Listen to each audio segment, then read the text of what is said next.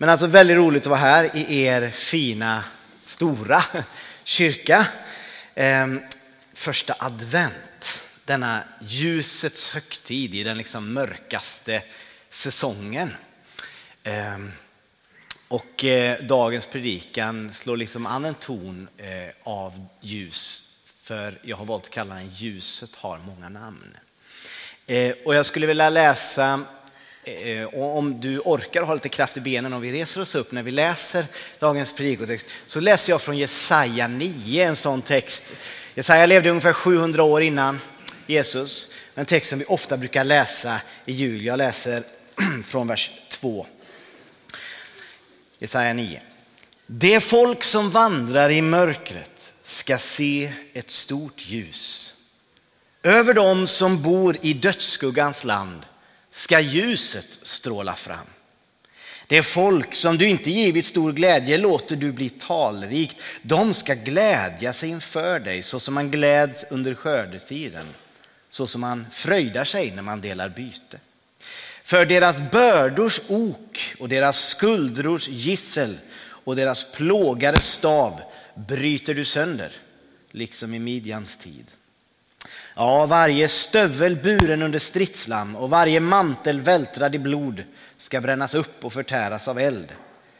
Ty, eftersom ett barn blir oss fött, en son blir oss given. På hans axlar vilar herradömet och hans namn är under, rådgivare, mäktig Gud, evig fader, fridsförste. Så ska herradömet bli stort och friden utan slut över Davids tron och hans kungarike. Guds ord till oss. Varsågod och sitt ner. Herre, tack för att du kommer till oss och uppenbarar dig själv genom ditt ord. Jag det skramlar lite ja, och eh, låter. Jag vet inte. Så, något som är fixat. Tack så mycket. Det är många som gör en sån här dag på olika sätt, eller hur? Eh, Jesaja skriver också i en mörk tid. En tid av oro. En tid av en stormakt som hägrar eller hotar Assyrien ett stort folk som faktiskt kom att några år senare inta norra Israel. Och Jesaja talar om att detta kommer att ske. Vi lever i en mörk tid, inte bara för att det är december i Skandinavien, utan för att världen står inför några riktigt stora hot och utmaningar. Klimatet är en sån, inte en liten sak, utan en stor sak som har med vår överlevnad att göra. Krigen. Det var kanske ingen av oss som trodde för ett par år sedan att vi skulle få se ett stort krig i Europa och nu sen Hamas fruktansvärda terrordåd, det som pågår där nere i Gaza, Israel och som verkar, alltså det finns ingen lösning, alltså det är svårt att se en lösning. Vi har AI som har seglat upp det senaste året på ett sätt som saknar motstycke i historien. Vi ser någonting som kan eskalera på ett sätt som vi inte vet riktigt. Och det är unikt i historien med någonting som kan utvecklas och få en egen intelligens. Och det varnar forskare för och många av dem som driver AI-utvecklingen säger att nu måste vi tread carefully, nu måste vi gå fram försiktigt här. För det här skulle kunna eskalera. Och när jag lyssnade på Max Tegmark eh, på sommarprat, som hade ett sommarprat, jag vet inte om det var några av er som hörde det, han är professor och jobbar med AI-forskning. En svensk som bor i USA. Så var det ju apokalyptiska varningar som han gav i sitt sommarprat. Du kan söka upp det från förra sommaren. Ehm, och jag brukar inte, jag är inte en av dem som brukar tänka så mycket på yttersta tiden eller att nu är det nog nära. En del har ju den känslan stark, jag brukar inte ha den. Jag tänker det kan gå lång tid. Men när han talade, en forskare med sitt eget område som vad jag vet inte har någon kristen tro, eller det vet ju inte jag något om. Men, men bara varnade för de sakerna som kan eskalera, då tänkte jag, Är det någonting som skulle kunna vara en sorts antikrist tänkte jag, en antimänniska, då är det hur en intelligens tar över och sen drar slutsatsen att ni människor, ni är överflödiga. Och det vet jag naturligtvis inget om. Jag säger bara, det är en speciell tid. Det finns hot. En till sak i vårt samhälle eh, som, som bidrar till den mörka nyansen. Jag vet inte, funkar det eller? Det, det, det känns som att det slår lite här. Ehm, det är det här med polariseringen i vårt samhälle. Jag vill bara säga att det är ju ett otyg som en utmaning där kyrkan faktiskt också ska vara med och bidra med ljus. För polariseringen i vårt samhälle idag, att man inte pratar med varandra, den är illavarslande. Diabolos betyder den som kastar isär. Och vi ser ett samhällsklimat, i USA är det väl ännu värre, men det går ju hitåt också. Där I USA är det, alltså vissa kyrkor är republikanska kyrkor, andra är demokratiska och man typ demoniserar varandra. Det är fruktansvärt. Så när det går in i kyrkan på ett sånt sätt så blir jag så bedrövad. Kyrkan är någonting annat. En gemenskap som inte är en åsiktsgemenskap utan en trosgemenskap.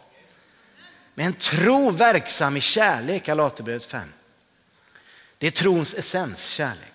Så det här var bara några, alltså vi står inför några mörka nyanser i vår tid. Jesaja hade sina och folket hade sina utmaningar. Vi har våra.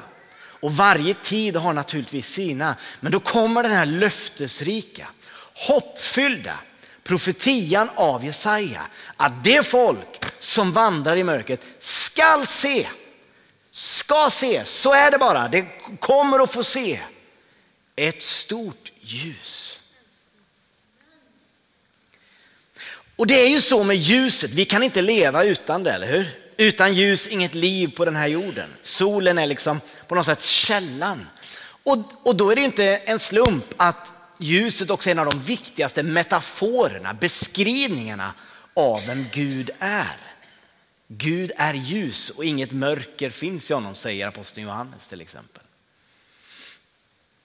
Och det är ju så med ljuset. C.S. Lewis, ni vet han, den författaren som skrev Narnia-böckerna och som var ateist, han var professor i Oxford.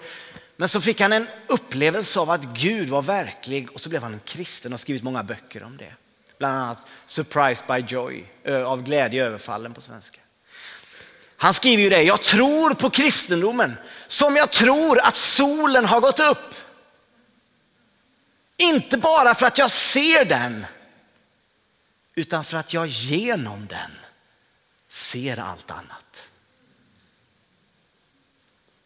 Det är ju så med ljuset att det inte bara vi ser det, utan det är ju det genom vilket vi ser. Det är ju det som gör att vi ser vår omgivning.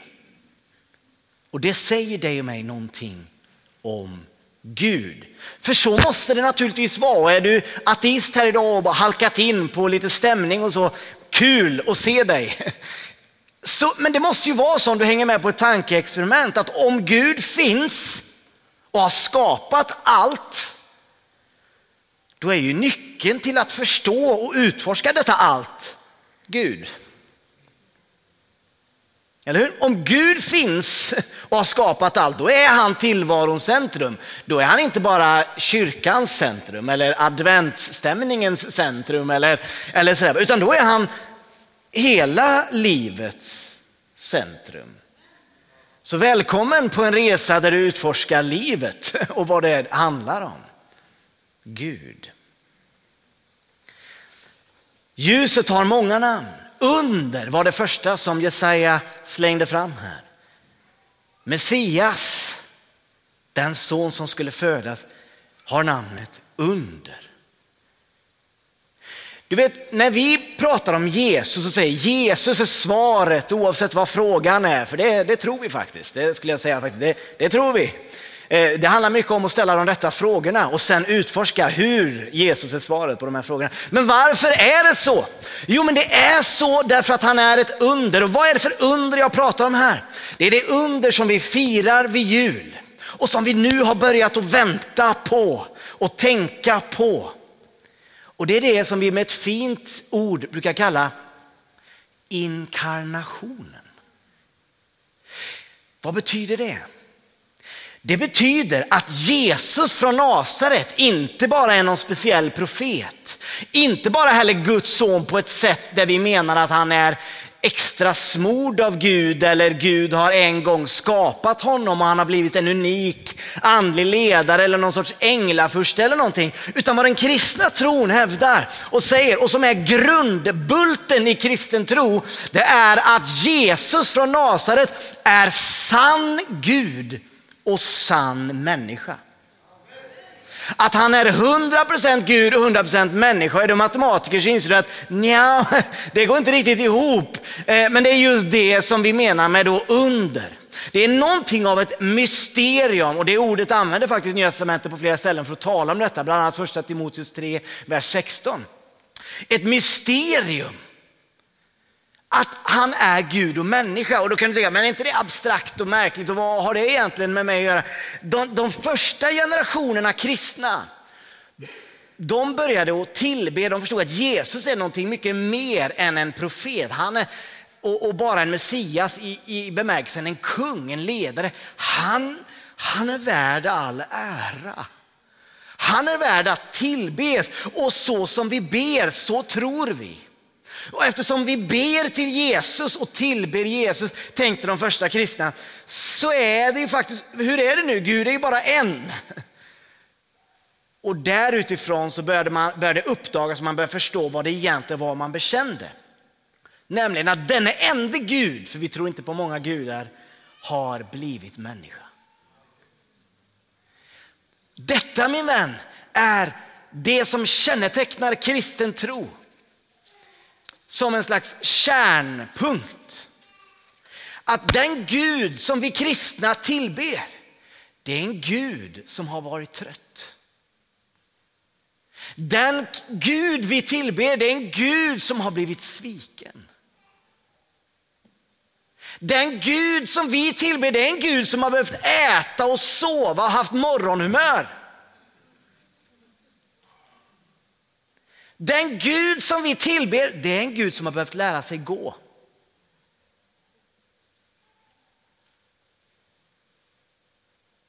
Som har behövt lära sig tala.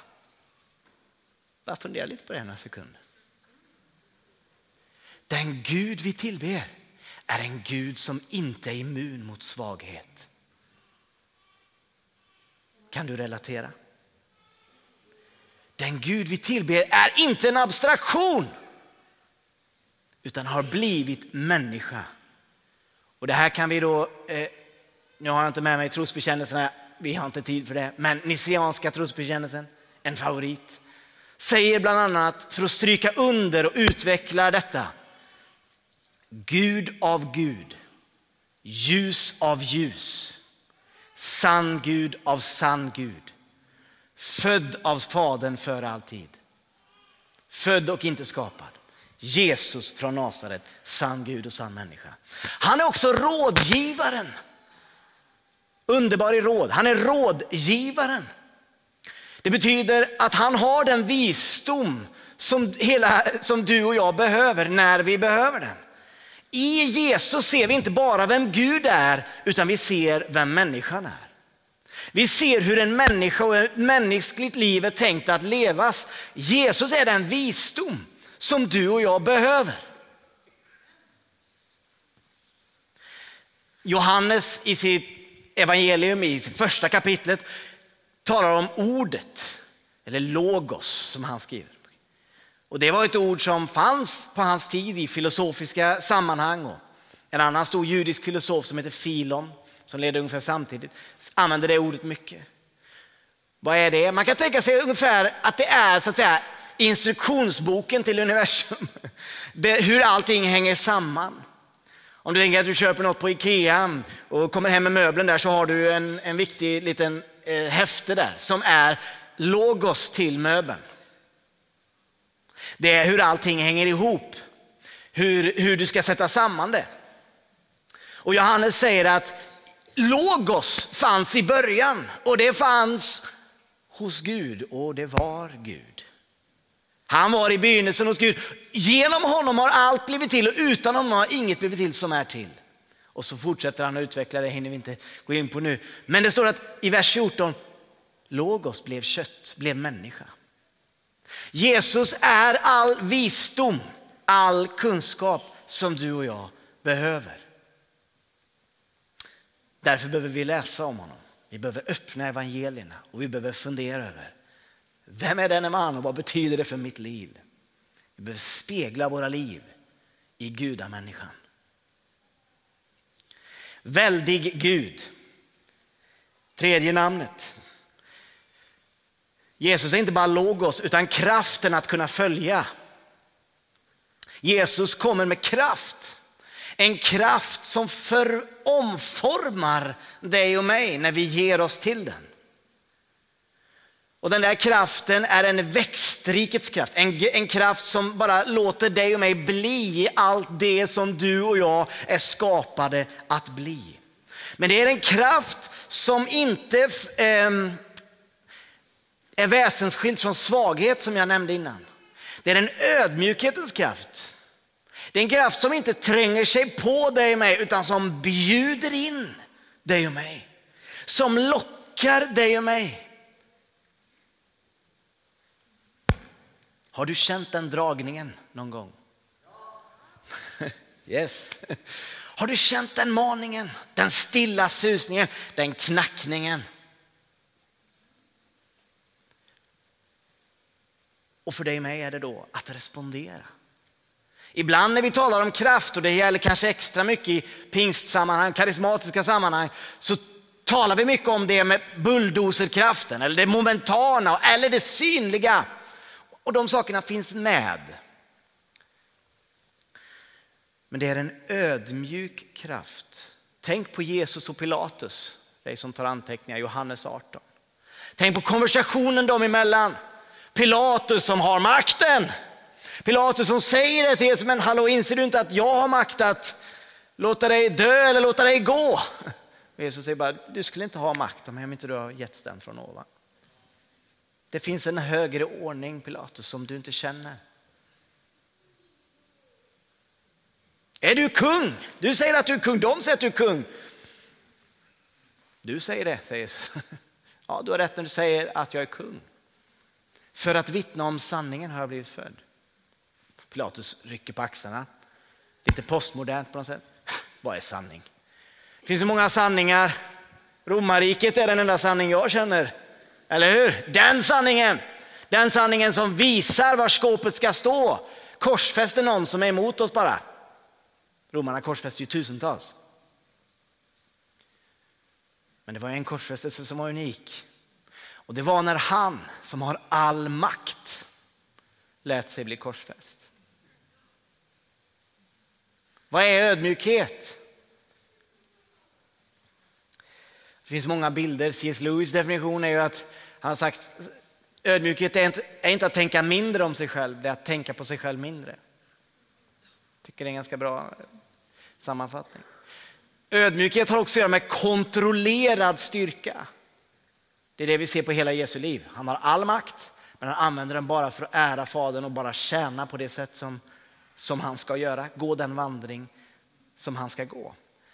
Ödmjukhet handlar om kontrollerad makt. Hur använder du den makt du har fått? Hur använder du det inflytande du har fått?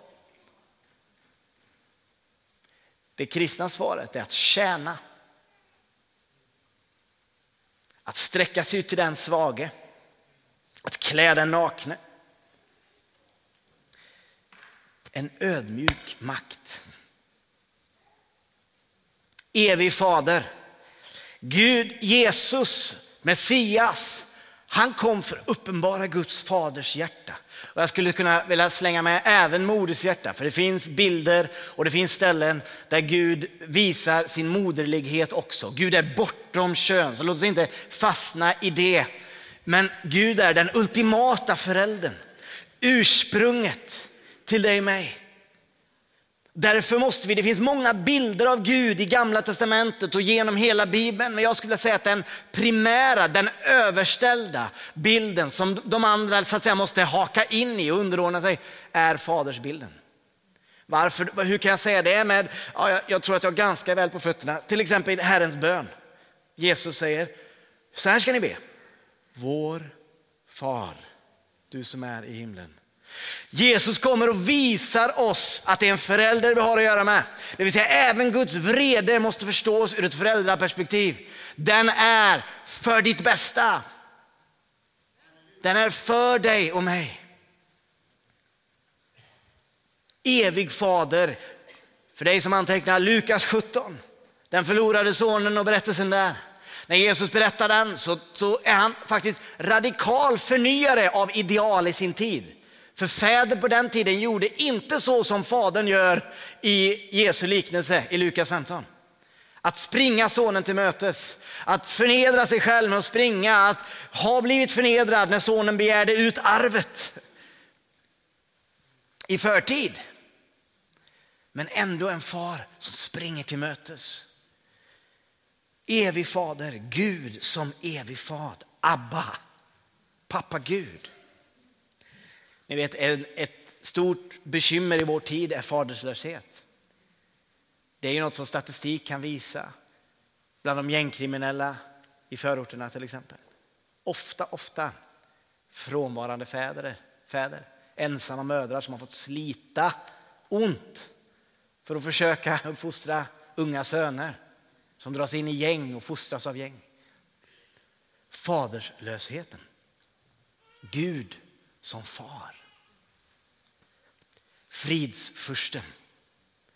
Matteus 21 som Linnea läste i början här. Det här klassiska adventstället. När Jesus rider in som den kung han är, men som en annorlunda kung. En kung som säger till lärjungarna, gå och hämta en åsna.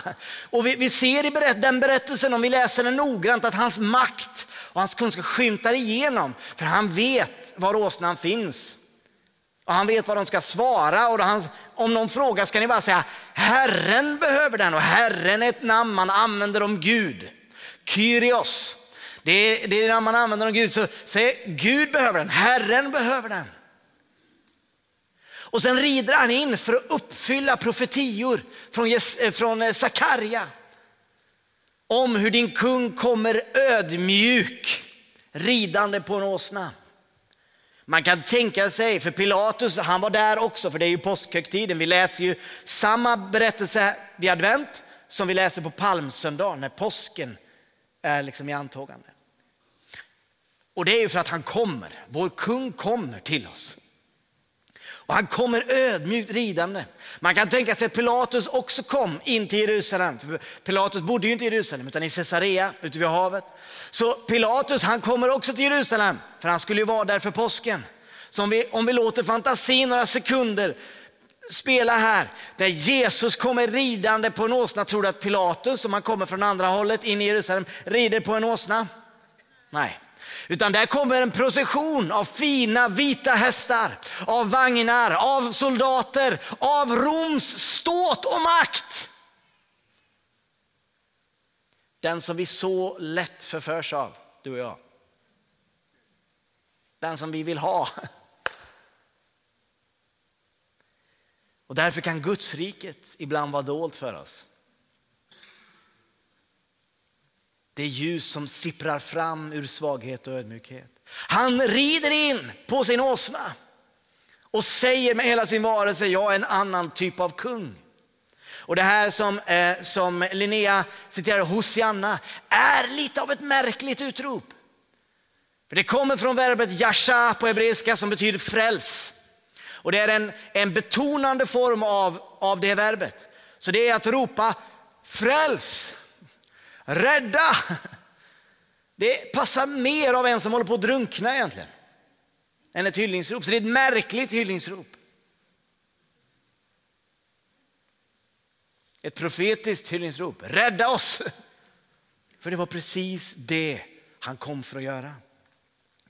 Men på ett annat sätt än de tänkte. Rom skulle falla, men det skulle dröja ett antal hundratals år. Riken kommer och går, men ljusets rike består. Hur kan man läsa de här texterna i advent i en värld som är ändå så pass mörk som vår? För det är ändå det radikala med evangelieberättelserna. De säger ändå detta, att kungen har kommit. Att ljusets rike har etablerats. Det är det vi bekänner som kristna. Guds rike är ibland oss. Inte till fullo, absolut inte. Men likväl instiftat, eller vad ska man säga? Uppstartat, det heter inget bra ord. Inaugurated säger man på engelska. Ja, det är i alla fall påbörjat. Och du och jag är kallade att vara en del av det. Du och jag bjuds in att vara delar i det riket. Hur kan det ske? Det är det rike som börjar som ett litet senapskorn men som en dag ska genomsyra hela skapelsen. Det finns ett litet ord på grekiska som nämns två gånger i Nya Testamentet. Det är ett substantiv som är palingenesia, betyder pånyttfödelse eller återfödelsen. Det är intressant, jag vill bara skicka med var det används. För det används på två ställen om helt olika saker, men relaterade. I Matteus 19 använder Jesus ordet om när, när riket har genomsyrat allt. Om den totala återfödelsen av skapelsen. När allt har blivit nytt, som nytt, förnyat. Vid återuppståndelsen eller vid, vid förnyelsen eller hur det översätts av. Det andra stället som det används är i Titus 3, vers 5. När det talas om att det sker i människohjärtat. Den nya födelsen som sker genom tron och dopet är det som tas upp där. Intressant, bara länka de här två. Riket som en, en dag ska genomsyra hela skapelsen har börjat i ditt hjärta. Riket har börjat i ditt hjärta. Ljuset har tagit plats i dig. Gud som är ljus.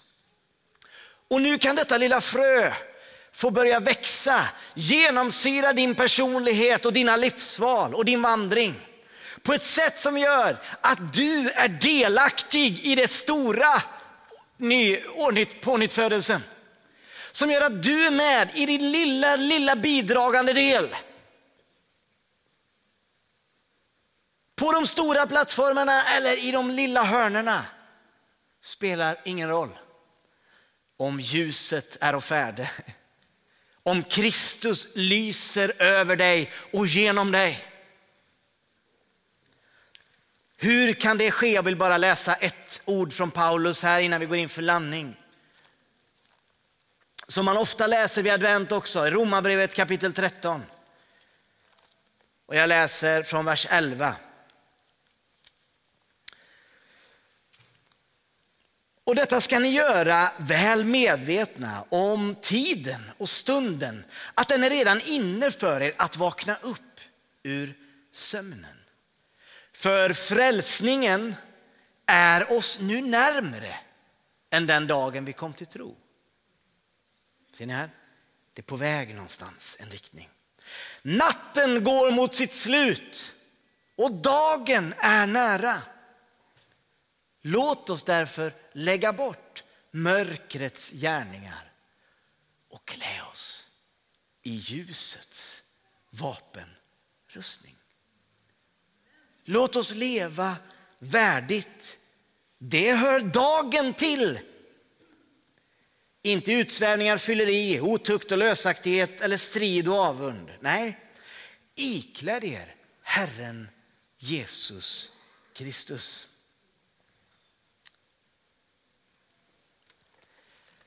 Paulus säger ikläd er Herren Jesus Kristus. Kristen tro handlar inte främst om att du och jag ska gaska upp oss. Det handlar inte främst om att du ska ta dig i håret och lyfta dig själv. Skärp till dig, steppa upp några snäpp och lev lite mer moraliskt. Det är inte det som är kärnan i kristen tro. Kärnan i kristen tro är att ljuset går upp på nytt över dig är att du ikläder dig ljusets vapenrustning som är Herren Jesus Kristus själv. Sann Gud och sann människa. Ja, det får konsekvenser för olika beslut. Och visst, det finns någonting vi ska göra. Här säger han två saker. Lägg av er mörkrets gärningar, ikläd er ljusets vapenrustning. Visst, det finns ett, en, ett agerande, någonting aktivt som du och jag gör, men det är en respons.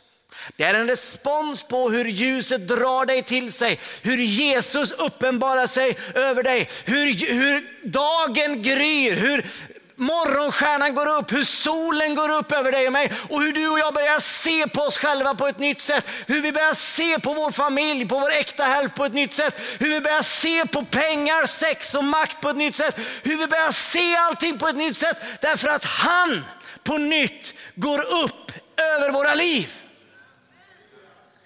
Det är det min vän som är kärnan i kristen tro. Inte bara den dagen vi blev kristna eller den dagen vi blir kristna, utan hur vi förvandlas på väg emot dagens gryning. Du och jag behöver på nytt säga det som är adventsbönen. Vet du vad som är adventsbönen? Det är den här. Kom Herre Jesus. Kom, Herre Jesus. Och det är den bönen som jag hoppas att du vill be med mig idag. Kom, Herre Jesus. Och om du vill, så när jag räknar till tre så ber vi den tillsammans tre gånger. Ett, två, tre. Kom, Herre Jesus. Kom, Herre Jesus. Kom, Herre Jesus. Gud välsigne dig denna adventstid.